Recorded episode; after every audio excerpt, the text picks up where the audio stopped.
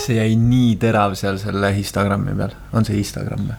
ei, ei, mis see on õige sõna? see on ostsилlogramm ostsillagramm või mm. -hmm. mis on ostsillagramm, Raid? ma küsisin foneetikutelt järgi selle, sest et meil oli raketisaates oli sagedusspektri ülesanne ja seal me andsime võistlejatele nii sagedusspektri kui ka ostsillogrammi ja teadusstuudiotes, tähendab tegelikult unicorn'id, unicorn'id kohaldasid siis endale ka selle ülesande kus eh, väiksed lapsed pidid seda tegema, aga kuna need, nad vaatasid neid pilte vaatasid, et see sagedusspektri osa on keerulisem, aga see, see, mis on harjumuspärane, see, mis väljendab siis eh, heli amplituuti ajast äh, lähtuvalt, et see on palju selgemini mõistetav, siis nad jätsid ainult selle, nad nimetasid selle spektrogrammiks, aga nad olid spektrogrammi selle pildi pealt ära kustutanud üldse, jätnud alles mitte spektrogrammi aga mis see õige sõna on? Ja siis ma kirjutasin eh, selle foneetikule, kes meid aitas nende ülesannetega, Anton Malmi on tema nimi Tartu Ülikoolist. ja, ja siis eh, ta ütles, et ah, selle nimi on ostsilleogramm ja siis ma kirjutasin neile vastu, et see on ostsilleogramm, et kui te teete seda ülesannet eh, esimese kuni kolmanda või neljanda kuni kuuenda klassi õpilastele, siis öelge, et see on ostsilleogramm ja proovige seda kolm korda hästi kiiresti öelda no vot, rääkige toorelt alustamiseks, siin on Raid Vellerind teile ostsillagrammidega, me rääkisime siis äh, sellest pildist, mis avaneb meile meie salvestustarkvara Audacity eh, ekraanilt kui me paneme salvestama ja siis me näeme seal eh, pilti, see jooksevad kaks kanalit ja seal peal on siis eh, no intensiivsused eh, helist erinevates kanalites kajastatud. heli tugevus ehk siis tema võnkeamplituud. Ma ei tea, miks me nii keerulisi sõnu peame kasutama. sest sa ütlesid minu arust mingi asi, mis ei kõlanud nagu korrektselt Aa. ja siis ma tahtsin parandada. aga mine sa võta kinni ninast. aitäh sulle, Mats, et sa ninast kinni võtsid Dai, kas meil on eelmisest korrast midagi, midagi üleval? eelmine kord sa rääkisid uudistest sellest eh, Veenuse ööpäevast, mida on umbes paarkümmend korda suudetud eh, vaadelda. Sest et see võtab nii kaua aega ja ma kuulasin järgi seda podcast'i ise üks päev ja siis ma hakkasin mõtlema, et kas Veenuse kohalik ööpäev võib kesta kauem kui eh, Veenuse üks kohalik aasta. üks ööpäev Veenusel on siis kakssada nelikümmend kolm päeva ja üks aasta Veenusel on kakssada kakskümmend neli koma seitse päeva. nii et tõesti, Veenusel siis aastad mööduvad kiiremini kui päevad. mis tähendab seda, et äh, Veenus on nagu sarnane natukene selles osas meie poolustele, kus meil on polaarööd ja polaarpäevad, kus kuus kuud ei ole päikest näha. mitte küll päris, päris samas ulatuses, natuke lühemat aega, aga see on tegelikkuses sul siis äh, päeva, mitte, mitte siis aastal, ei see läks katki, ole. ühesõnaga, see vastaks tõele siis, kui polaaröö ja polaarpäev moodustaksid päriselt ühe polaarööpäeva, aga tegelikult on selle sees päriselt ööpäevasid palju. Nii et see täpselt. võrdlus sellepärast läheb katki. jah. tead, minuni vahepeal Raid jõudis siin küsimusi, et, et te räägite seal nii lahedasti sellest teadusest, tahaks ise ka teha. aga nagu ei tea, kust alustada. kuidas Raid peaks teaduse tegemisega, milliseid põnevaid viise oled sina avastanud, kuidas saab ise teadust teha või olla osa sellest teaduse tegemisest? see on naljakas, mult küsiti ka vahepeal seda. mult küsisid seda muidugi teise klassi õpilased, oo, et millal sina hakkasid teadust õppima, niimoodi küsiti. ja siis sa vastasid kaheksakuuselt. Ma vastasin midagi analoogilist jah, sest et ma olen kuulnud ühe korra, kui sina oled rääkinud sellest, et eh, sa hakkasid väiksena asju käest maha pillama ja vaatasid, oo need lähevad alla, mitte üles või midagi seesugust. ma päris sellele ei vihjanud, aga ma rääkisin eh, kindlasti jah, juba oma lasteaiapõlves eh, avastamisest ja sellest, kuidas see kõik eh, ehitab siis vundamenti sellele, et sa hilisemas elus tunneksid huvi ja, ja leiaksid neid seoseid ka keerukamate teemade vahel. niisiis äh, algkoolis, siis põhikoolis, siis keskkoolis mingid huviringid seal kõrval, kui ka lõpuks siis äh, ülikoolis. ma kuulsin, et sul oli sihuke põnev katsetus, kus sa, kus sa läksid reisile ja siis selle reisi käigus äh, tõid äh, mingi teadustöö jaoks proove tagasi sealt reisilt. tõepoolest, nii oli.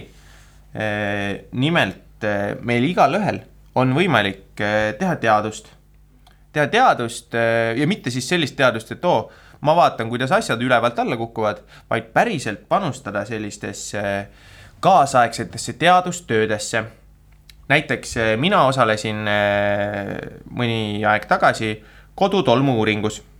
see on eh, selline uuring, kus siis analüüsitakse tolmuproove, selles uuringus osalevad ka erinevad majapidamised, kes siis äh, regulaarselt annavad enda kodus tolmuproove, et siis analüüsida seda, missugune, missugune see keskkond on. oi, oi, ma peaks ka sinna, ma, ma tunnen ka, et peaks sinna, äh, sinna proovi panema, mul seda proovimaterjali oleks jagada neile hoogsalt palju. no vot, aga lisaks sellele on eh, hästi huvitav neil selle uuringu käigus ka kaardistada erinevaid siis piirkondasid. täpselt nii, nagu nad Eestis koguvad neid proove, siis nad koguvad ka välismaalt, kui nad ise satuvad kuskile, kes iganes selles uuringus osalevad, siis nad eh, haaravad eh, katse, katsevahendid kaasa, võtavad proovi. ja kui mina siin mõni aeg tagasi sattusin siis Filipiinidele reisima, siis ka sealt tõin kaasa mõned tolmuproovid aga kuidas see siis, siis käib, sa võtsid lihtsalt nagu puhusid purki natukene tolmu ja keerasid kaane peale või oli see protsess natuke keerukam?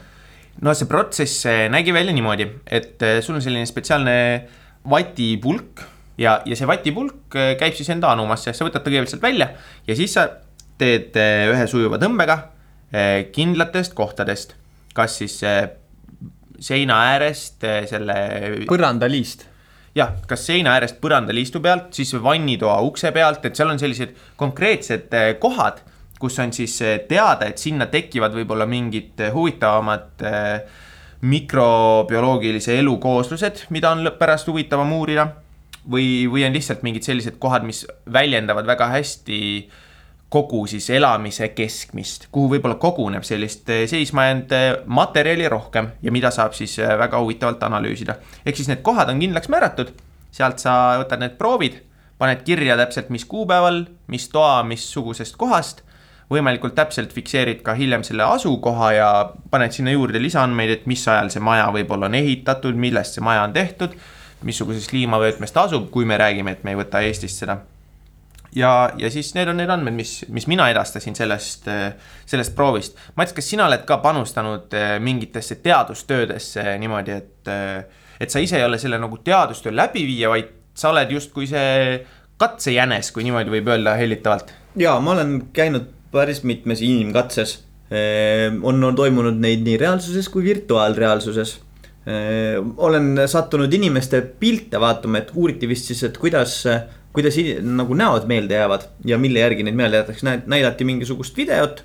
ja siis äh, pärast siis näidati inimeste äh, siis äh, passipilte ja nende passipiltide põhjal pidi siis ütlema, et kas see inimene oli seal videos või mitte tuli ootamatult keeruline see ülesanne, ei olnud nagu sealt pildi pealt ühtegi kedagi, et andis hoopis uue mõõtme sellele, kui satud mõnikord televisioonist või kuskilt mujalt nägema siis seda tüüpilist krimisarja krimisarja olukorda, kus on ülekuulamisruumis siis viis kahtlusalust, kellel igalühel on number käes või noh, nende seas on ka siis üks kahtlusalune, tavaliselt siis ülejäänud on suvalised inimesed.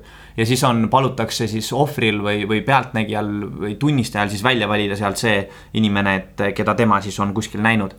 et ja siis seal mõnikord on ka, et ma ei teagi ja nagu noh, ja võib-olla valitakse mõnikord valed ja siis sa mõtled, no kuidas see võimalik on, on selge ju, et see on üks või teine inimene. aga tegelikkuses jah, väga palju võivad inimesed muutuda väga lühikese ajaga ja üldse nii lihtne ei ole neid ära tunda, eriti kui on sellest ka läinud natukene aega mööda.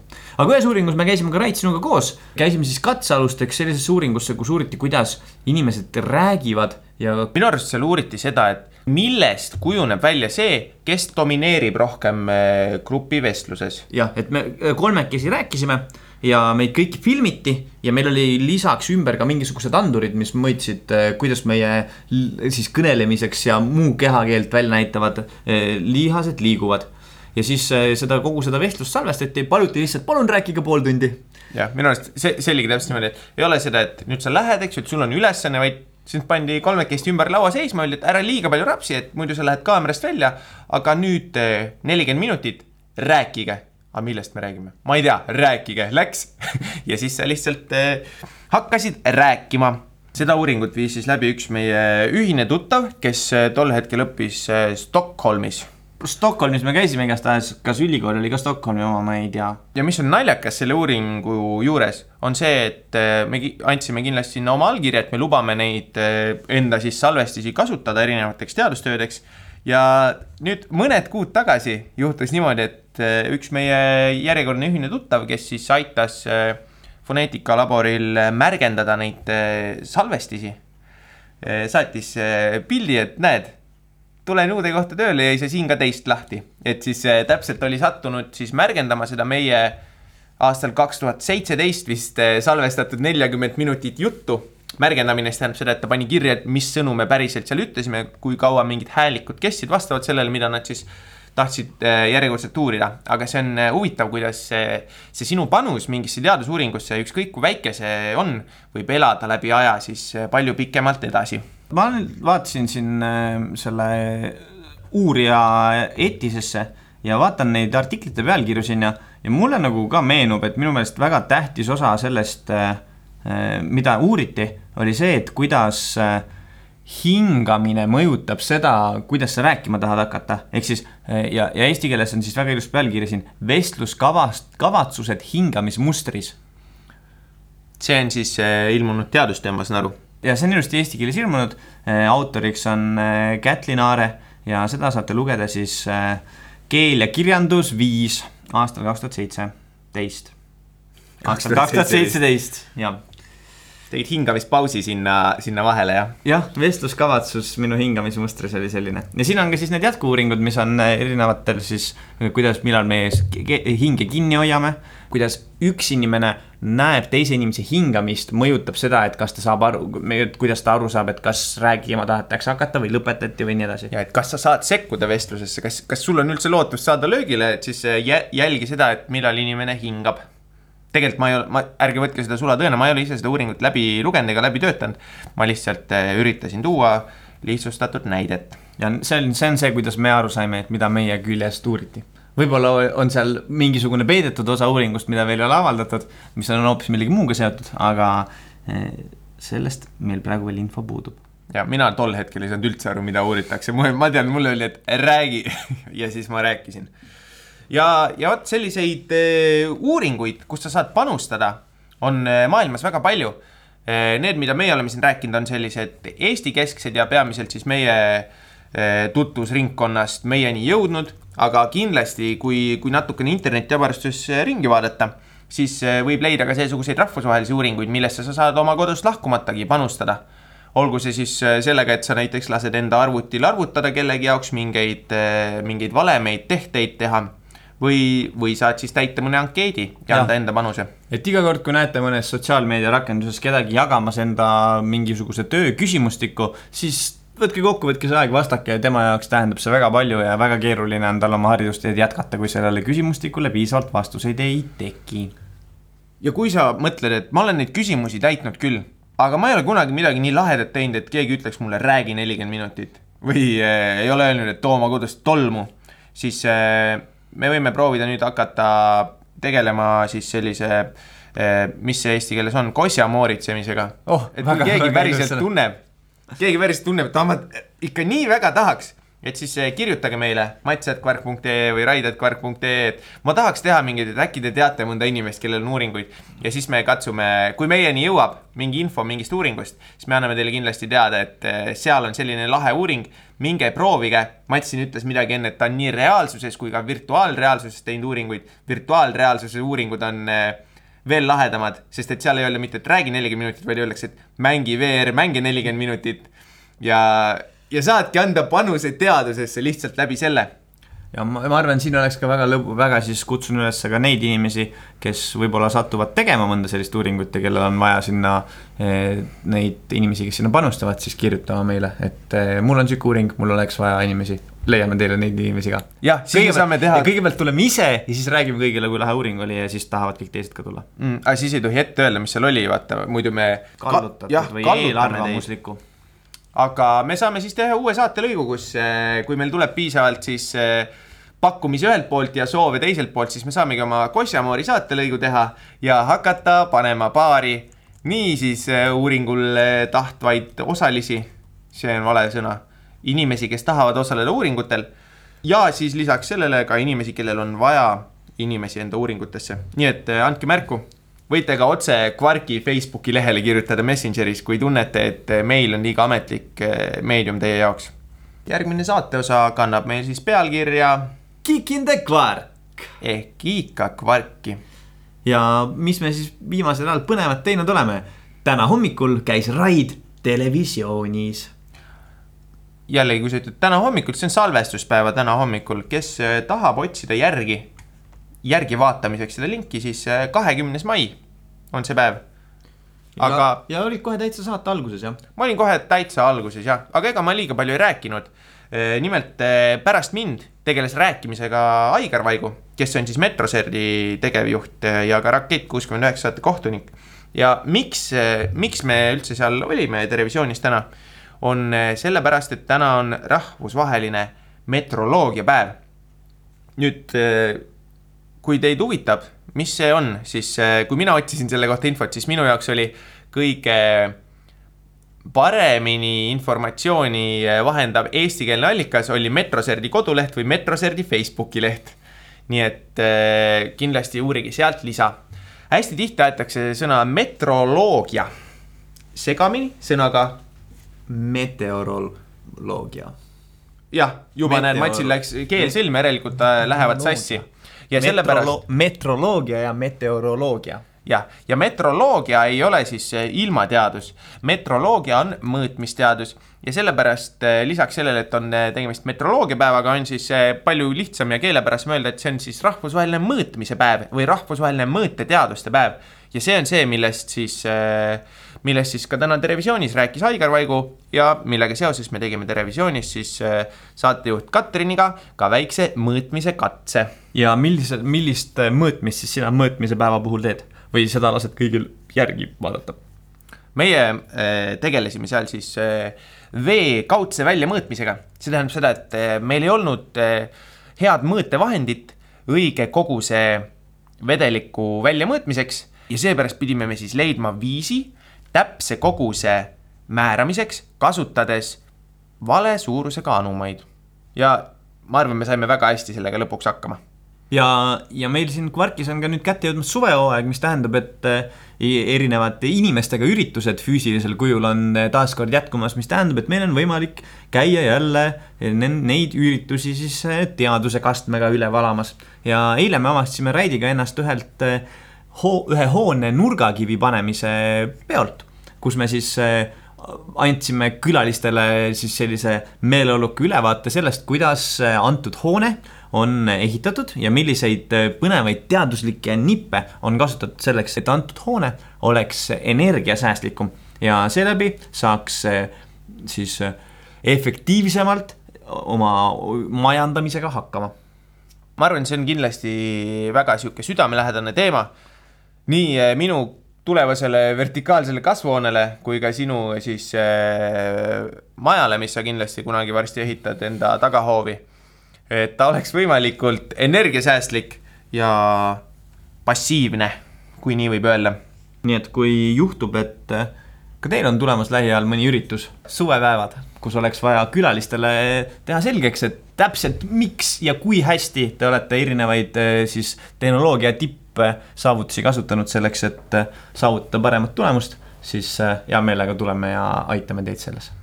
lisaks sellele, et me nüüd siis teadusteatreid saame vaikselt hakata käima tegemas, olgu see siis suvepäevad või olgu see uue maja avamine, siis kui ma juba ütlesin välja selle sõna suvepäeval ja minu arust sa ka enne ütlesid, kui ei öelnud, siis ma monteerin sisse niimoodi, et sa oleksid öelnud seda enne. ütle korra suvepäevad, suvepäevad. väga hea, siis eh, ehk siis, kui teil ka tulevad suvepäevad, siis eh, ei pea ainult teadusteatriga sisustama oma suvepäevasid, on igasugu lõbusaid töötubasid või võistluslikke mänge, mis siis, mis aitavad eh, suurendada nii siis meeskonna sellist tunnetust ja kokkukuuluvust, kui ka seejuures pakuvad sellist mõttetoitu eh, kõikidele osalistele. ma tean, et hiljuti meili jõudis üks selline eh, pakkumine, küsimus, mis eh, ma võin eksida selle tsiteeringuga, aga ma arvan, et seal oli kasutatud väljendit tahaks seda raketi Tetrise ülesannet. kes eh, on eh, suur raketisaate jälgija, siis eh, võib-olla tunnete enda peas ka selle seose ära. ma usun, et seal viidati siis selle hooaja teisele saatele, kus tuli siis kokku mõne suur somakuup see on üks hea näide sellest, mida sa võid teha oma mingil meeskonnaüritusel, suvepäevadel, kus on kõigil siis lõbu laialt ja, ja kõik saavad ka väikse sellise teaduselamuse. jah, peab nuputama ja samas peab liigutama ennast. kusjuures selle sama somakuubi kokkupaneku ülesandega, me, me kasutame terminit somakuup, see tähendab siis seda, et see on see kolm korda kolm kuubik, mis koosneb seitsmest erinevast eh, valmis kujul klotsist, millest ta tuleb siis kokku panna, et, et kellelegi ei jääks see liiga segaseks. Aga sellesama Soma kuubiku ülesandega on niimoodi, et eh, me saame seda lahendada niimoodi, et sul on need pusletükid justkui laiali, need seitse tükki, mis tuleb omavahel kokku panna kuidas meil oli ta raketisaates oli niimoodi, et võistlejatel oli ette antud juba väike kuubik, mis oli kokku pandud ning selle põhjal tuli kokku panna suur kuubik.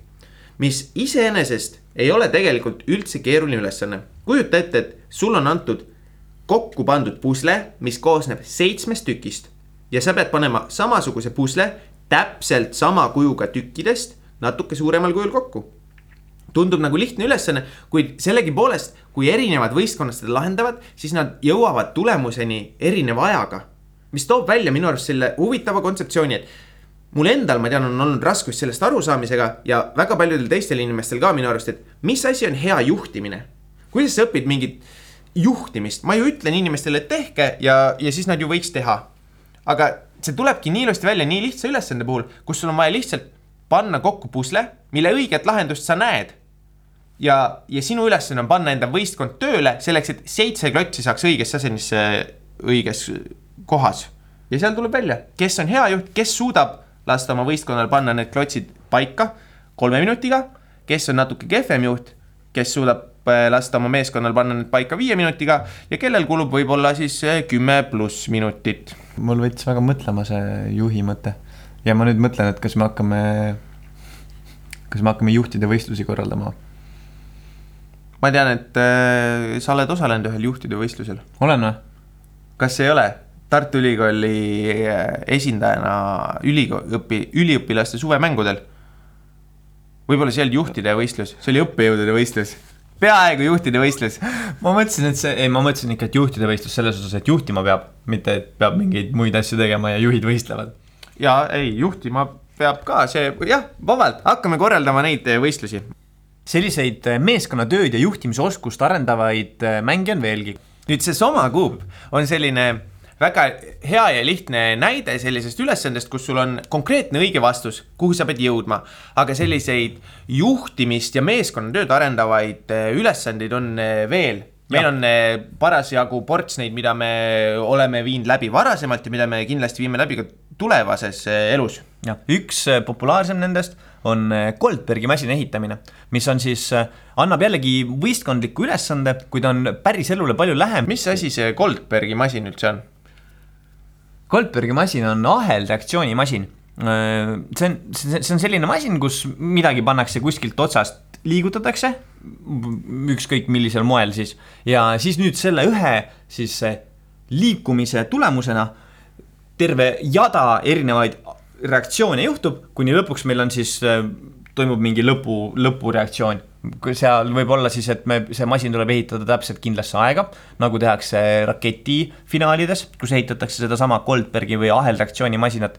või siis äh, ta võib kanda edasi ka mingisugust, ütleme näiteks hoopis kunstilist või sellist lugu jutustavat elementi, nagu me ise äh, nüüd ehitasime siis selle aasta Eesti Vabariigi aastapäevaks, mis toimus Paide kultuurimajas, kontserdimajas Paide teatri kontserdimajas ehitasime meie Kvarkiga ka ühe siis eh, ahelreaktsioonimasina. võib Nii... öelda, et eh, see oli meile endale ka päris hea meeskonnakoolitus ja sihuke juhtimisoskuse proovile panek. ja, ja see, see oli siis selline aastamasin, mis siis ka lükati ühest otsast käima ja siis eh, jutustas meile siis loo möödunud aastast. minu arust seal on eriti huvitav see, et me plaanisime sinna sisse mingid kindlad vihjed kindlatele sündmustele ja olukordadele aga see tagasiside, mida sa näiteks eh, lugesid erinevate Eesti poliitikute sotsiaalmeediast, mis seoseid ja huvitavaid analoogi sealt leiti veel kõigele lisaks, mis me ise olime näinud, see oli, see oli eriti huvitav.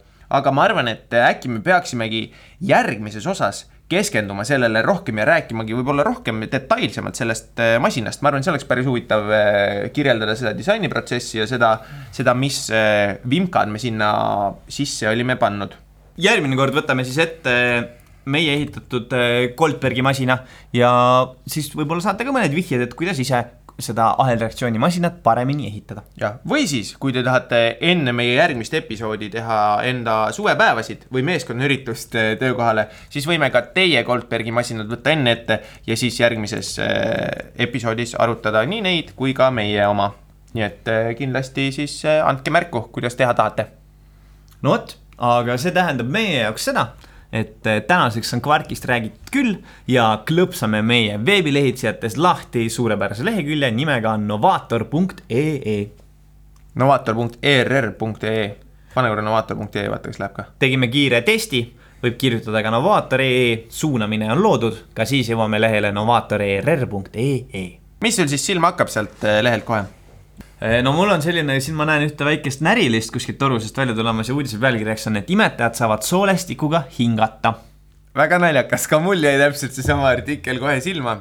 ja kui, kui ma nüüd seda loen, siis see on, mul tekib peas hästi palju kujutluspilte, kui ma nüüd loen kaasa siis seda, seda ja noh, natuke tekivad sellised eetilised küsimused, aga ma saan aru, et äh, kuidagi tuleb neid teadusuuringuid ka siis äh, katsetada elus äh, olendite peal, et saaks varsti ka siis võib-olla inimeste peal seda katsetada. ja siin on siis tehtud äh, katseid hiirte peal ja on tehtud ka sigade peal. mida üritati siis kindlaks teha selle uuringu käigus, on see, kas ka imetajad suudavad hingata oma soolestikuga. nimelt paljudel veeorganismidel on siis lisaks kopsudele ja lõbustele arenenud välja ka soolestiku hingamise mehhanism, mis siis võimaldab neil hapnikuvaeses keskkonnas ellu jääda. näiteks eh, merikurgid, hinklased või mõned mageveesägad hingavad siis eh, oma soolestiku kaudu. ja nüüd on siis Takanori Takebe oma kolleegidega jõudnud oma uuringuga sinnamaale, kus nad on teinud eh, kindlaks, et soolestikuga suudavad hingata ka rotid, hiired ja sead.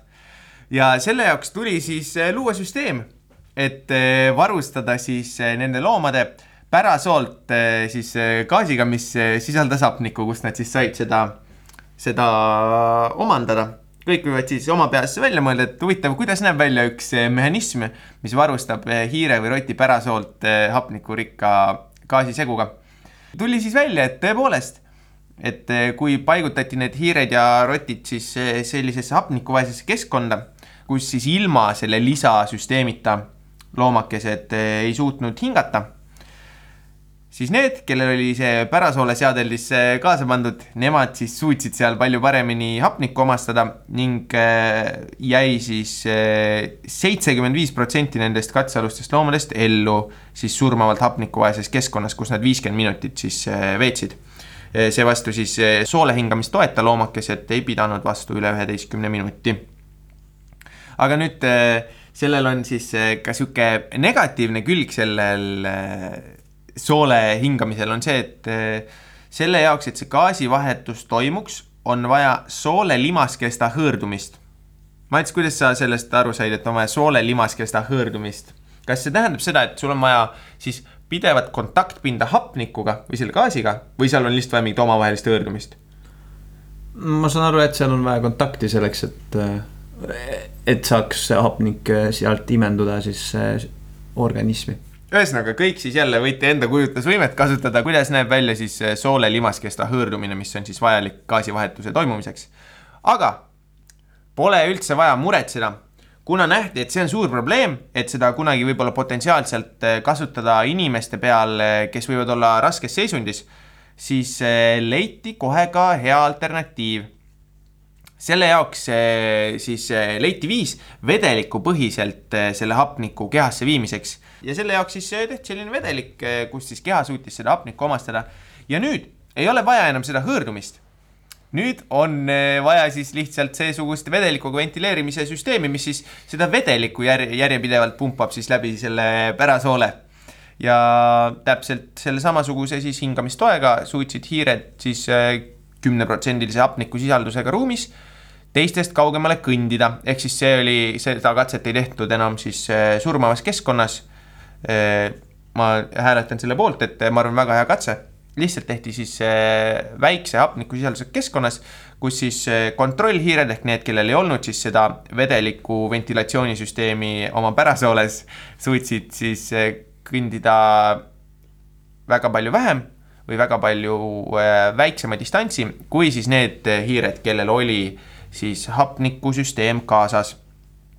ja kuna see siis äh, näriliste peal töötas äh, võrdlemisi hästi, siis äh, prooviti sedasama eksperimenti ka sigade peal ja tuleb välja, et ka sigadel siis seesugune hingamistugi aitas omandada hapnikku nende verre väga palju paremini kui, kui siis mitte seda kasutades. nii et üldiselt on uuringu tulemused väga positiivsed. Tuleb oodata ainult, millal siis jõuame selleni, et me saame inimestele seesugust hapnikuvarustust hakata pakkuma. Sest et eh, noh, näiteks sellesama praegu väga aktuaalse Covid-19 pandeemia juures tekivad väga paljudel inimestel hingamisraskused ja neist hingamisaparaate ja tehiskopse napib eh, siis üle maailma, nii et kui me saaksime välja tulla seesuguse alternatiivse moodusega, et hoida inimesi elus, et varustada neid hapnikuga, siis eh, ma arvan, et see on väga väärt avastus ja lähme ja edasi, ma varsti tahaks tõesti õhtust süüa, aga mul jäi ette selline uudis, mille pealkirjaks on siis, et saamatud algoritmid tekitavad inimestes veebiväsimust. ja sisuliselt siin võetakse kokku siis selle, see, kuidas et kui algoritm ei suuda vastata inimese kasutajakogemuse ootustele ja ei paku siis sulle seda teenust, mida sa nagu ootasid või lootsid sellelt saidilt saada, siis eh, noh, olenevalt sellest, kui palju, kui suur see lõhe on, siis see muutub väga tüütavaks ja ärritavaks kõik, mis seal keskkonnas leidub, kuni lõpuks siis sinnamaani, kus me ei tahagi enam seda saiti kasutada.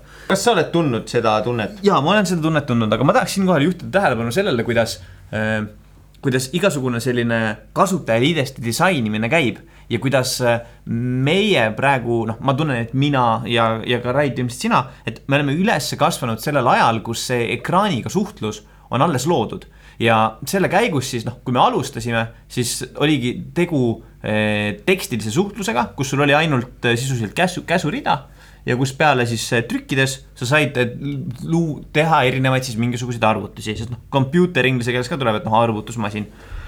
ja, ja nüüd see on arenenud siis muudkui edasi. Ja selle käigus on loodud siis siia, siia juurde siis ka graafiline liides ja see, kuidas see loogika kõik peaks toimima, et me oleme tuttavad, eks ju, operatsioonisüsteemidega, Windows ja, ja siis ähm, Mac, Mac. Ja, ja need, ja see on nüüd miski, mida me siis nagu äh, ja see on nüüd miski, mida siis kui vaadata nüüd noori inimesi, kes on üles kasvanud nüüd selles kasutajaliideste disainimise viimases ajajärgus, kui nemad, kui nende esimene kokkupuude on olnud juba siis puutetundlike ekraanidega, kus siis see kasutamine käib sarnaselt päris elule, et sa nagu võtad mingist objektist kinni, sa saad seda objekti liigutada, sa saad selle objekti pooleks teha, siis neid on kaks ja nii edasi, siis kui neile anda kätte arvuti siis see on nende jaoks täiesti võõras, äh, väga nagu keeruline äh, olukord, kus hakkama saada. kuigi nende tahvlite ja telefonide peal asjad, pöidlad käivad, asjad toimuvad nii kiiresti, et sa ei suuda enam jälgidagi, millega tegu on. ehk siis, et puutetundlik ekraan on oluliselt intuitiivsem kui see, et mul on vaja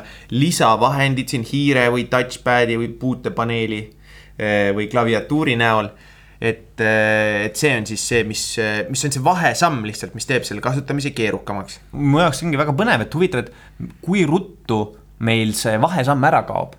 just selle, nende klaviatuuride ja hiirte ja kõige muu näol. sest noh, hiir suures osas äh, võib-olla ongi juba kadunud, sest kui me kasutame puutetundlikke ekraane, mis on asendanud, ma kujutan ette, juba päris suure osa tegevustest. kus me varasemalt oleksime kasutanud hiirt klaviatuur, ma tunnen, on selles osas natuke sarnane asi, sest et klaviatuur on ka väga suur osa puutetundliku ekraani peal info sisestamisest.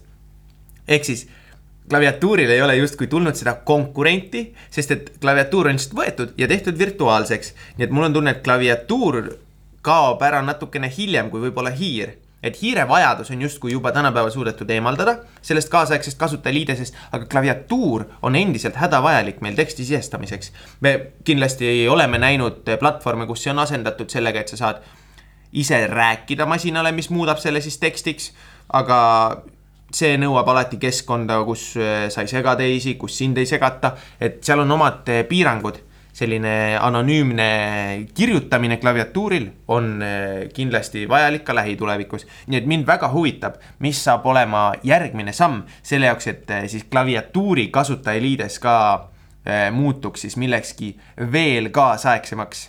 mis sa arvad, mis klaviatuuri asemele võiks tulla? ma näen, et sul on siin ees ka äh, tähed ja mul on tähed ees, see on järgmine uudis, aga mulle tundub, et klaviatuuri asemel me ilmselt saame varsti ikkagi, ma arvan, otseühenduse selle selle, selle trükimasinaga seal sel viisil, et me ei pea enam oma käsi selle jaoks liigutama, vaid äh, meie siis signaale, mis neid kirjutamist läbi viivad, loetakse otse ajust, kas siis mingisuguse mütsikesega eh, mingisuguse muu seadmega, noh, ühesõnaga, sest ka sellised tehnoloogiad juba on eksisteerimas. mis sa arvad, kas enne tuleb äh, lagedale siis tehnoloogia, mis loeb sinu ajusignaale või suudetakse hakata kasutama siis praktikas ja suurel skaalal sellist silma jälgimistehnoloogiat, mis tähendab seda, et mul võib olla siin samamoodi klaviatuur ekraani peal, ma ei pea enam sõrmega seda vajutama, vaid ma saan silmadega vaadata neid tähti ja lohistada sealt selle sõna kokku ja siis veebikaamera jälgib, kuhu mu silmad vaatavad ja selle põhjal siis äh,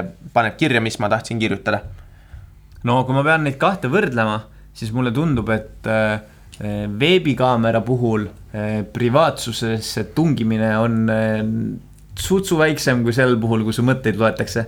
nii et ma panustaksin veebikaamera ja silmade jälgimise peale selles osas on kindlasti veebikaamera lahendusel ka eelised, seesugust tehnoloogiat vähemalt sellise prototüüplahendusena on, on seesuguseid lahendusi juba ka maailmas olemas. ma ei ole näinud, et need eh, massidesse veel oleks läinud, võib-olla ei ole see piisavalt töökindel tehnoloogia, võib-olla see sõltub liiga palju valgustusest, et see veebikaamera ei pruugi alati silmi suuta hästi jälgida. et eh, ma ei tea täpselt, mis see piirang on, aga mul on tunne, et selle tehnoloogia siis päriselt kasutusele võtmine on oluliselt lähemal kui äh, tänapäeval need äh, ajuimplantaadid, mis, mis siis loevad äh, ajulaineid. aga võib-olla on see mingi muu põhjus, miks meil ei ole see silma jälgimine veel kasutusele tulnud. võib-olla ta lihtsalt ei olegi nii intuitiivne ja võib-olla on näpuga klaviatuuril trükkimine oluliselt lihtsam, nii et ei tea, peame ekspertidelt järele küsima ma kerisin siin Novatorit ja mulle jäi eh, silma veel eh, see artikkel Keskkonnasõbralik nutipasta võtab potis õige kuju, mis on midagi, millest me rääkisime juba ka eelmine kord. nii et eh, mul on hea meel, et me suutsime seekord leida siis ennast huvitava artikli laiast internetiavarusest enne, kui see jõudis meie kodumaisesse uudisteportaali ja sai siin meid ja meie järgijaid üllatada ma leidsin vahepeal internetiavarustest eh, veel sellise uudise, mis on jälle Marsi peale läheb. ma tean, me esimesed episoodid rääkisime iga kord Marsist, eelmine kord me ei rääkinud Marsist. aga rääkisime Veenusest. aga rääkisime Veenusest, lisaks on siis NASA Marsi kulgurile vahepeal maandunud Marsil veel üks kulgur. see on siis eh, hiinlaste Marsi kulgur. nii et eh, seal varsti tuleb oma liiklusseadused paika panna, sest et kulgureid hakkab vurama igas suunas. igatahes see uudis, milleni ma vahepeal jõudsin puudutab siis eelmist Marsi kulgurit, mille nimi siis Curiosity, mis eh, tähendab siis eh, uudishimulikkust. ja sellel kulguril on kuus ratast ja on eh, märgatud siis, et need rattad kipuvad kuluma päris korralikult. niimoodi, et selle ratta siis pealmise pinna sisse tekivad suhteliselt suured augud. rattad siis pärast pikki sõitmisi on saanud kahjustada. ja, ja pikki sõitmisi tähendab siis seda, et ta maandus üheksa aastat tagasi Marsil ja ta on seal üheksa aastat siis nüüd juba vuranud ringi ja tegutsenud. selle ajaga on ta siis läbinud eh, kuusteist kilomeetrit, mis on siis need eh, pikad vuramised. kuid nüüd on siis eh, insenerid NASA-s igaks juhuks tulnud siis välja lahendusega, mida tuleks siis võtta kasutusele, kui peaks juhtuma, et üks nendest ratastest siis liiga suurelt eh, hävib. nimelt eh, on nad välja töötanud siis manöövri, eh, mida suudab siis Curiosity teha, kui ta leiab piisavalt ilusa terava äärega kivi selle jaoks, et rebida ratas, siis rattase purunenud osa enda küljest ära. sest et sellel rattal on selline üks kolmandik umbes osa mis, äh, millel on äh, tugev äh, raam sees, et selle peal saab tehniliselt edasi sõita. aga siis kaks kolmandikku tuleb lihtsalt ära rebida. ja, ja selle jaoks, seda on siis katsetatud ka maa peal nimelt iga siis kulgur või satelliit või midagi, mida me saadame maa pealt kuskile kaugemale, siis nendele tehakse tihtipeale kaksikud, mis jäävad maa peale, et me saaksime siis vajalikke uuendusi katsetada selle maapealse masina peal. et me ei peaks äh, riskima sellega, et kui midagi valesti läheb, siis see läheb avakosmoses või mõnel teisel planeedil valesti. ja Marsi kulgurist on siis ka maapealne prototüüp, äh, maapealne vend, ütleme siis niimoodi, olemas, äh, kes siis vurab ringi maa peal, liivaplatsi peal ja kellega nad siis saavad harjutada sedasama manöövrit maa peal ja seda on siis ka edukalt tehtud suudeti ära rebida see, see ratas terava kivi ääre vastu. mis on minu arust väga huvitav, et sellised on lahendused, mille peale tuleb mõelda NASA siis Jet Propulsion Laboratory, mis siis teeb kõiki neid kõige huvitavamaid ja hullumeelsemaid projekte, on siis hinnanud, et neil ilmselt ei lähe seda vaja, seda manöövrit. aga kui peaks nüüd juhtuma olukord, et mõni ratas on tõesti nii katki, et see tuleb ära rebida, siis nüüd neil vähemalt on olemas teoreetiline lahendus selle jaoks. ja ma ise natukene küll ootan, et, et seda läheks vaja, sest et see oleks, see oleks väga huvitav. aga seejuures on ka väga hea tõdeda et sellest rattakulumisest on väga palju õpitud ja uue siis Marsi kulguri Perseverance'i rattad on siis disainitud eh, natukene teistmoodi, et nii suurt kulumist vältida. Nii et eh, eks me näe, eh, kuidas elavad Marsi rallid üle Perseverance'i rattad ja kas ja millal tuleb meil üldse siis Curiosity rattavahetus operatsioonil tunnistajateks olla insenerid eh, NASA-st siis hindavad, et eh, seda manöövrit võiks vaja minna võib-olla teoreetiliselt kuskil suurusjärk aastal kaks tuhat kolmkümmend neli. selle aja peale ilmselt on eh, Curiosity'l mingid muud asjad juba katki läinud, et ta, ta ei eeldata, et ta nii kaua vastu peaks seal. aga kui peab, siis võib-olla selleks ajaks võib ka juhtuda, et tal tuleb see ratta rebimise manööver täide viia selleks ajaks on lubatud juba ka inimene Marsile viia erinevate eh, erafirmade poolt, nii et eh, saab põnev olema. ma arvan, siis tekib selline esimene Marsi kulguraed, mis on siis natuke nagu loomaaed maa peal, kus siis püütakse Marsi peal vuravaid kulgureid ja pannakse aia sisse ja siis sa saad käia perega vaatamas teda ja siis sa näedki, et eh, kui üks Marsi, kulgur. Marsi esimesed asukad. jah, Marsi esimesed asukad, kui üks neist lonkab hirmus palju, et üks ratas lonkab siis võib-olla saab müüa eraldi pileteid sellele seansile, kui siis see kulgur proovib enda seda ühte ratast ära rebida. Ja siis saate visata talle lilli või, või ma ei tea, mis marsi peal siis kasvatatakse tol hetkel lille tasemel. et ma arvan, see oleks päris sihuke huvitav asi, võid enda siis sellesse ämbri nimekirja panna. et asi, mida sa kindlasti tahad elus teha, minna Marsi kulguraeda ja vaadata, kuidas Marsi esimesed asukad oma elupäevi veedavad no vot, minul jäi vahepeal siin ette uudis siis praegu väga päevakajalisest teemast. mesilastest võib saada uus koroonaviiruse kiirtest. Nimelt siis, kui mesilased äh, niisama, siis need äh, kodumesilased niisama toimetavad, siis selleks, et nad leiaksid üles see, need kõige paremad lilled, kust käia õietolmu kogumas, siis nad tunnevad lõhna. ja nad tunnevad lillelõhna lausa mõne kilomeetri kauguselt, nii et neil on väga siis arenenud lõhnameel ja teadlased siis koolitasid Pavlovi meetodiga Hollandis Wageningeni ülikoolis eh, siis välja umbes sada viiskümmend mesilast. niimoodi, et iga kord, kui mesilased siis koroonaviiruse lõhnaga kokku puutusid, andsid teadlased putukatele tänutäheks siis suhkruveelahust. ja siis sedasi õppisid mesilased siis selle koroonaviiruse lõhna peale keelt suust välja ajama ja nüüd edaspidi, kui mesilastele esitati siis proov, kus viirust ei olnud, mesilased tasu ei saanud ja nüüd, kui seda piisavalt palju kordi korrata, noh, reaalsuses aega võtab see mõni minut, et mesilane seda õpiks, siis mesilased hakkasid keelt välja sirutama, kui nad tundsid koroonaviiruse lõhna. nii et äh, selline siis vägagi odav ja väga massiline koroonaviiruse testimise võimalus. et äh, noh, ma, ma küll ei loe siit välja täpselt, kuidas tuvastada seda, et kas mesilasel on keel suust väljas või mitte, aga aga noh, ma, eeldan, et see liiga raske ei ole. ja kui, kui me siin varasemalt oleme kuulnud siis koertest, kes suudavad koroonaviiruse lõhna tunda, siis äh, tuleb välja, et ka mesilased, kuna siis äh, antud viirust põdevad inimesed hakkavad äh, teistmoodi lõhnama, sest see muudab protsesse nende kehas. ja siis ma siia lõppu ütleks veel siis, et siis konkureeriv uuring USA Pennsylvania ülikoolist koerte peal siis leidis et, et üheksakümne kuue protsendilise täpsusega suudavad koerad koroonaviirust tuvastada. nii et ka väga kõrge täpsusega. mesilaste kohta vist ju veel andmeid ei ole, et mis see protsent on? täpsusprotsenti veel mesilaste kohta on üheksakümmend viis. oh, jube lõbus oleks nüüd lased need sada viiskümmend eh, mesilast linna peale laiali, siis tulevad tagasi, siis kõik ütlevad, mitu koroonahaiget nad leidsid. nüüd on vaja lihtsalt see järgmine, järgmine osa on vaja siis välja töötada, et eh, kuidas, kuidas teha kindlaks, et mitu nad leidsid peab keele suust välja panemise anduri panema kõigil lõua alla ja siis äh, sealt lugeme signaali.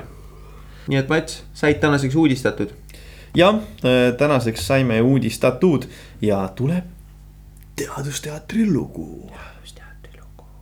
teadusteatri lugu. millest me täna räägime, Rait siis? mis on äh, kõige väiksem asi, millest sa oled teadusteatrit teinud? ma arvan, et kõige väiksem asi peaks olema Eesti ID-kaart. me käisime sinuga koos, mäletad, me käisime Amsterdamis tegemas teadusteatrit, teadusteatrite maratonifestivalil. mäletan. ja vaat seal me rääkisime ID-kaardist ja ID-kaardi sees on sihuke väike-väike arvuti ja sellest me tegime teadusteatri ja ma arvan, et see on kõige väiksem asi, millest ma olen teadusteatrit kunagi teinud.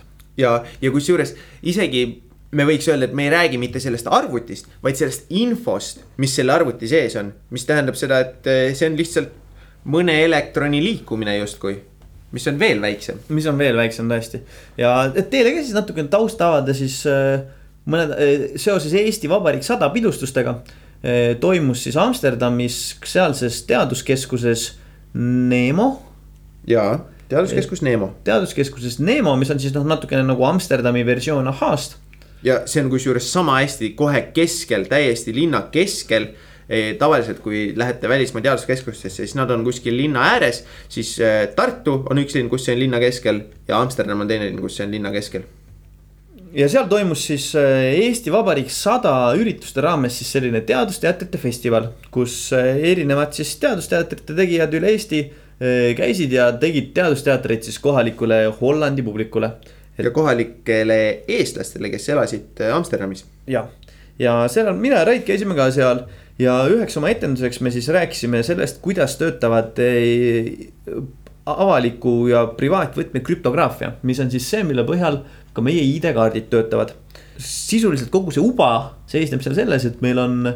üks lukk ja kaks võtit. ja üks võti on selline, millega saab seda lukku, lukku keerata ja teine võti on selline, millega saab seda, ei tähendab. jah, ma isegi võiksin täpsustada, et see tegelikult saab mõlema võtmega lukku, lukku keerata. lihtsalt, kui sa võtad võtme number üks ja keerad sellega lukku, siis sa sellega enam seda lukust lahti ei saa. siis sa pead võtma võtme number kaks, sellega saad lahti. ja vastupidi, kui sa keerad võtmega number kaks luku lukku, siis avada saad seda ainult võtmega number üks. ehk siis sul on selline, selline võtmete paar millega, kui sa paned ühega lukku, siis teisega saad lahti ja vastupidi ja see ongi see, millega see, milles kogu see krüptograafia seisneb. jah, ja see tähendab siis seda, et on meil see salajane võti ja avalik võti. ja kui me näiteks tahame nüüd, mina tahan Raidile üle interneti saata midagi ja Rait tahab olla kindel, et mina olin see, kes selle kindlasti saatis. siis ma võtan selle asja, mida ma saadan, keeran, panen selle enda salajase võtmega lukku, selle võtmega number üks ja see tähendab, et seda saab nüüd lahti teha ainult võtmega number kaks, minu siis avaliku võtmega.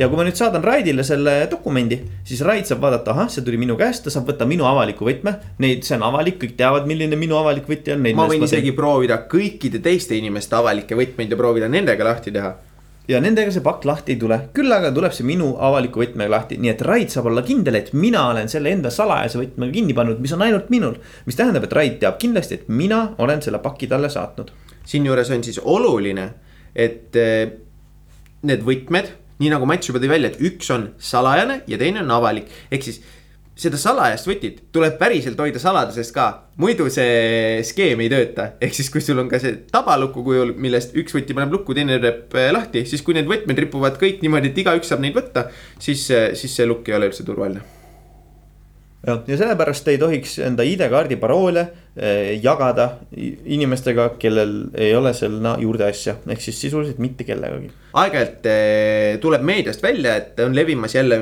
mingid mobiil-ID või Smart-ID pettused eh,. mis siis näitab justkui seda, et see tehnoloogia ei ole turvaline. ma saan täitsa aru nendest artiklitest, tõepoolest see tehnoloogia ei ole turvaline, kui meie selle tehnoloogia kasutajatena ei suuda kaitsta enda salajasi võtmeid. sest et äh, siiamaani äh, on need sellised petuskeemid, mis kasutavad mobiil-ID-d või Smart-ID-d väga suures enamuses olnudki selle pealt, et petetakse välja selle koodi sissepanek siis mõne isiku poolt.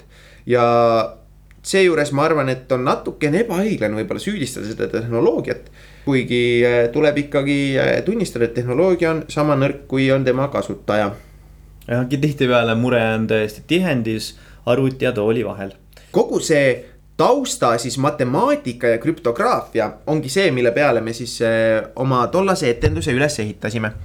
nii et eh, kui me ka ise võib-olla muidu olime harjunud eh, tegema teadusetendusi rohkem füüsikast, võib-olla keemiast, võib-olla mingist veel mõnest sellisest tuntumast ja visuaalsemast loodusteadusest. kust siis etenduse tulemusena ikkagi sai välku ja pauku jah, siis tol korral eh, me siis orienteerisime ennast eh, natukene ümber ning lähenesime siis täitsa, võiks öelda matemaatilisele probleemile.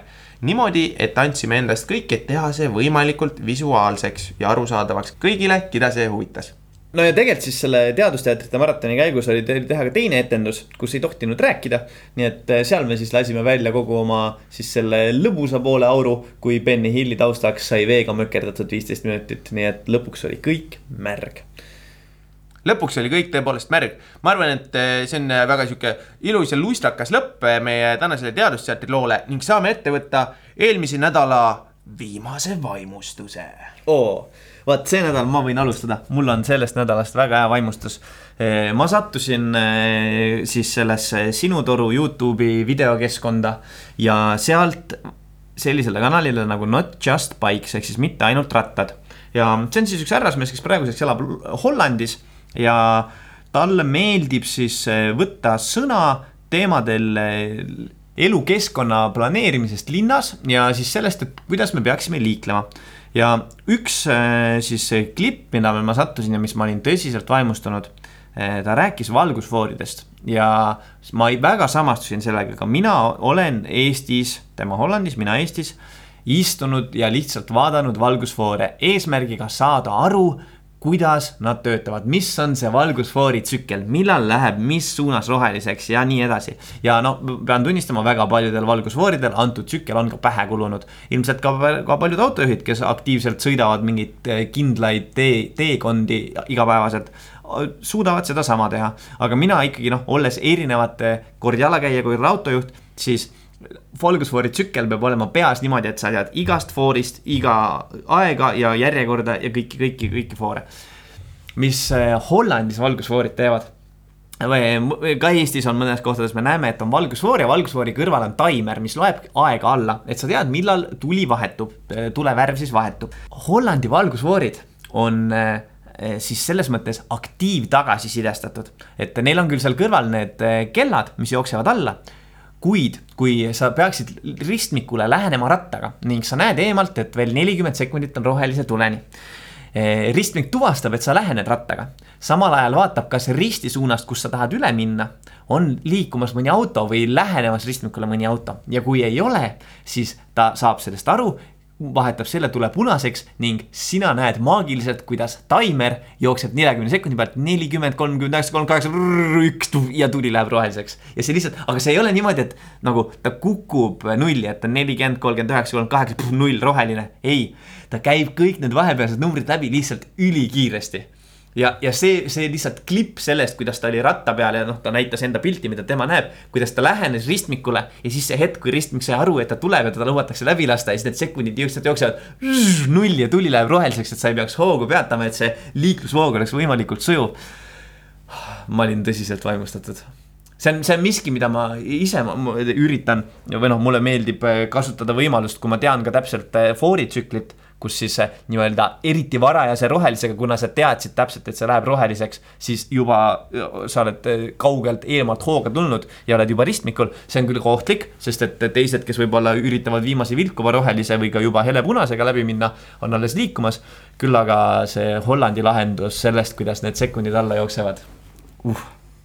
mul on tunne, et me peaks võtma jalgratta reisi ette Hollandisse, sest ma olen, olen Amsterdamis muidu ka sattunud eh, liiklema, samamoodi vaata, me käisime teadusteatrit seal tegemas, aga rattaga ei sattunud sõitma. mina sõits-, mina sattusin rattaga sõitma ka selles vahes, väga palju rattureid oli, aga ma ühelegi sellisele ristmikule ei sattunud ja mul on väga kahju sellest. aga ma arvan, et me võiks ka teha ühe episoodi valgusfooridest. jah, võime teha küll kunagi, sest et noh, see, kui, kui me olime Amsterdamis, see oli siis, kui oli Eesti Vabariik sada, mis tähendab, et see oli aastal kaks tuhat kaheksateist, nüüd on juba kolm aastat möödas, et võib-olla need on uued valgusfoorid lihtsalt. nii võib olla. millest sina, Raid Viim, möödunud nädalal vaimustusid? tead, mul läheb suht üksluiselt. mul on täna jälle 3D printimine, aga täiesti uutmoodi 3D printimine. sest et eh, noh, tavaliselt ma vist eelmine kord juba rääkisin, meil on eh, sellised printerid, mis käivad ja siis joonistavad selle kihi, siis joonistavad selle peale järgmise kihi, siis joonistavad selle peale järgmise kihi ja nii edasi ja nii edasi. või siis meil on ka selliseid, mis eh, tõstavad justkui vedeliku anumast tagurpidi välja prinditava asja, kus siis lastakse laseriga selle vedeliku sees sinna pinna peale õige kujund ja siis see vedelik muutub tahkeks täpselt sealt, kust laserkiir lasi, sinna jääb see tahke plastik külge. Need on mõlemad vanad tehnoloogiad või noh, mitte vanad, aga sellised, mida me kasutame ja on omad eh, plussid ja omad miinused, aga põhimõtteliselt on need eh, samasugused, et eh, meil on justkui mingisugune üks objekt ja meil ei saa olla rippuvaid detaile. see tähendab seda, et kui ma tahan näiteks T-tähte printida, siis ma pean mingid toed tekitama sellele T-tähe T-osale, sellele T-tähe horisontaalsele osale, mis sealt üle ääre siis on. aga artikli pealkiri on eh, Binder jetting 3D printing will be a game changer ehk siis see binder jetting on siis, binder on, selle all peetakse silmas siis mingit siduvat eh, ainet. ja, ja kuidas see printimine töötab, on siis niimoodi, et eh, sul on pulber, võid mõelda näiteks liivakasti peale, sul on lihtsalt, sulle pannakse liiv, siis käiakse kiire teerulliga üle, lükatakse siledaks, et kõik oleks sile mm. -hmm. ja järgmine protsess on nagu tavaline printimine. Tavalises printeris ka, sul on rull, mis prindib siis paberi peale selle, mis iganes pildi sa sinna tahad. aga nüüd selle asemel, et see oleks tint, siis see on see, see siduv aine, see, see binder aine. ehk siis see, me prindime sinna peale täpselt sellele kihile vastava siis eh, kujutise ja seal kohas see liiv, mis tegelikult on siis see No nagu liim. plastikpulber. jah, me justkui pane, laseme sinna superliimi vahele jah, see nende Aga- kohtade peale, kus meil on vaja, et materjal tuleks jah. jah, ja, ja sinna siis, sealt see siis tahkub ära.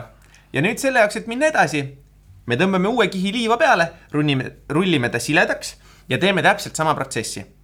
ja see tähendab seda, et mul ei ole vaja enam detaili, mis toetaks põranda peale, sest ma ei ehita seda sinna põranda peale üles, vaid ma ehitan ta kuskile sinna liiva sisse. ehk siis ma võin neid panna mitu tükki üksteise peale, üksteise vahele, vahet ei ole, sest et nad on kogu aeg fikseeritud sellesama pulbri, sellesama liivakasti sisse, see on ja siis pärast, kui need on kõik ära prinditud, siis sa saad olla nagu arheoloog, kes läheb väljakaevamistele, kes tõmbab sealt ümbert seda liiva ära ja kõik detailid, mis sa sealt leiad, on täpselt selles kohas, kuhu sa nad printisid. Ja kui asjad on liiva sees, siis meil ei ole probleemi sellega, et tal ei ole mingit tuge või asja, liiv on igal pool ta ümber. Ja täpselt samamoodi sa saadki terve enda tööala printida otsast lõpuni neid, neid detaile täis. pärast sul on lihtsalt liivakast, mis on hästi palju äh, asju täis, see on nagu see, kui sa ei viitsinud koristada liivakastis väiksena, siis lükkasid kõik liiva alla, ütlesid, mul ei ole ühtegi mänguasja siin. ja siis said järgmine hommik minna ja mängida samamoodi väljakaevamist ja, ja mis siis äh, kõige parem on see, et sedasama liiva või noh, tegelikult siis seda pulbrit, millest äh, neid detaile koostatakse, seda kõik see ülejäänud asi, seda sa saad taaskasutada, ehk siis järgmine kord, kui sa tahad midagi printida, siis sa jälle paned selle uude anumasse, rullid laiali, prindid selle liimi sinna peale või selle binderi ja, ja küta taga edasi. et äh, mulle tundus väga sihuke ilus, huvitav, natukene lapsepõlve meenutav äh, lahendus, sest see tõepoolest lubab siis oluliselt kiiremini, oluliselt rohkem detaile printida, kui need praegused tehnoloogiad, mis siis äh, liigutavad ühte siis seda printimispead ja, ja sellega käivad läbi kogu kujundi. et äh, siin me saame siis paralleelselt äh, teha siis äh, kogu, kogu tööpinna. väga tuus. minu arust on ka väga tuus ma tunnen, et me peaks tegema liiva ja superliimiga lihtsalt nagu prototüübi. prototüübi nagu noh, et nagu mm, -hmm. nagu demonstreerida lihtsalt, kuidas see töötab. jah, sest et mul, mul natuke tekkis endal küsimus, et kuidas seda noh, okei okay,, ma saan aru, tegelikult nad suudavad baseerida seda väga täpselt, aga sõltuvalt võib-olla sul õhuniiskusest, siis sul on eh, mõnikord sul on eh, rohkem sihuke liivakivi, et sa päriselt nagu murendad sealt ja siis pintsliga, siis väikse haamrikesega tõk-tõk-tõk-tõk-tõk. et see oleks, see oleks hästi huvitav, ma arvan, päriselt ei ole niimoodi, aga mulle meeldib mõelda, et, et on. või kui tahad, siis saad printida selle ümbritseva pinna ka nagu kõvemaks, et sa saad päriselt sihukest arheoloogilist tööd seal teha ja, ja seda välja kaevata ja sest, et seal kindlasti on neid eri, sul on erinevad nii-öelda siis äh, sidusaine ka need näitajad oh,. nii ilus, see on, noh, need sidusained on täpselt nii, nagu meil praegu on, me saame teha erinevate filamentidega, siis saame printida niimoodi, et meil on näiteks vees lahustuvad toed. sa prindid asja ära, siis sa paned vee sisse, teed šš, loksutad natukene ja kõik toed on kadunud. et äh, ja ma näen sul just kukkus suu lahti, see on tänapäevane tehnoloogia, Mats. oota, aga kas siis toed prinditakse sam-, teisest See- filamendist või? jah, see tähendab, et sul on vaja printerit, mis suudab mitut filamenti korraga printida lihtsalt. Technology. vot selline see maailm on, kus me elame.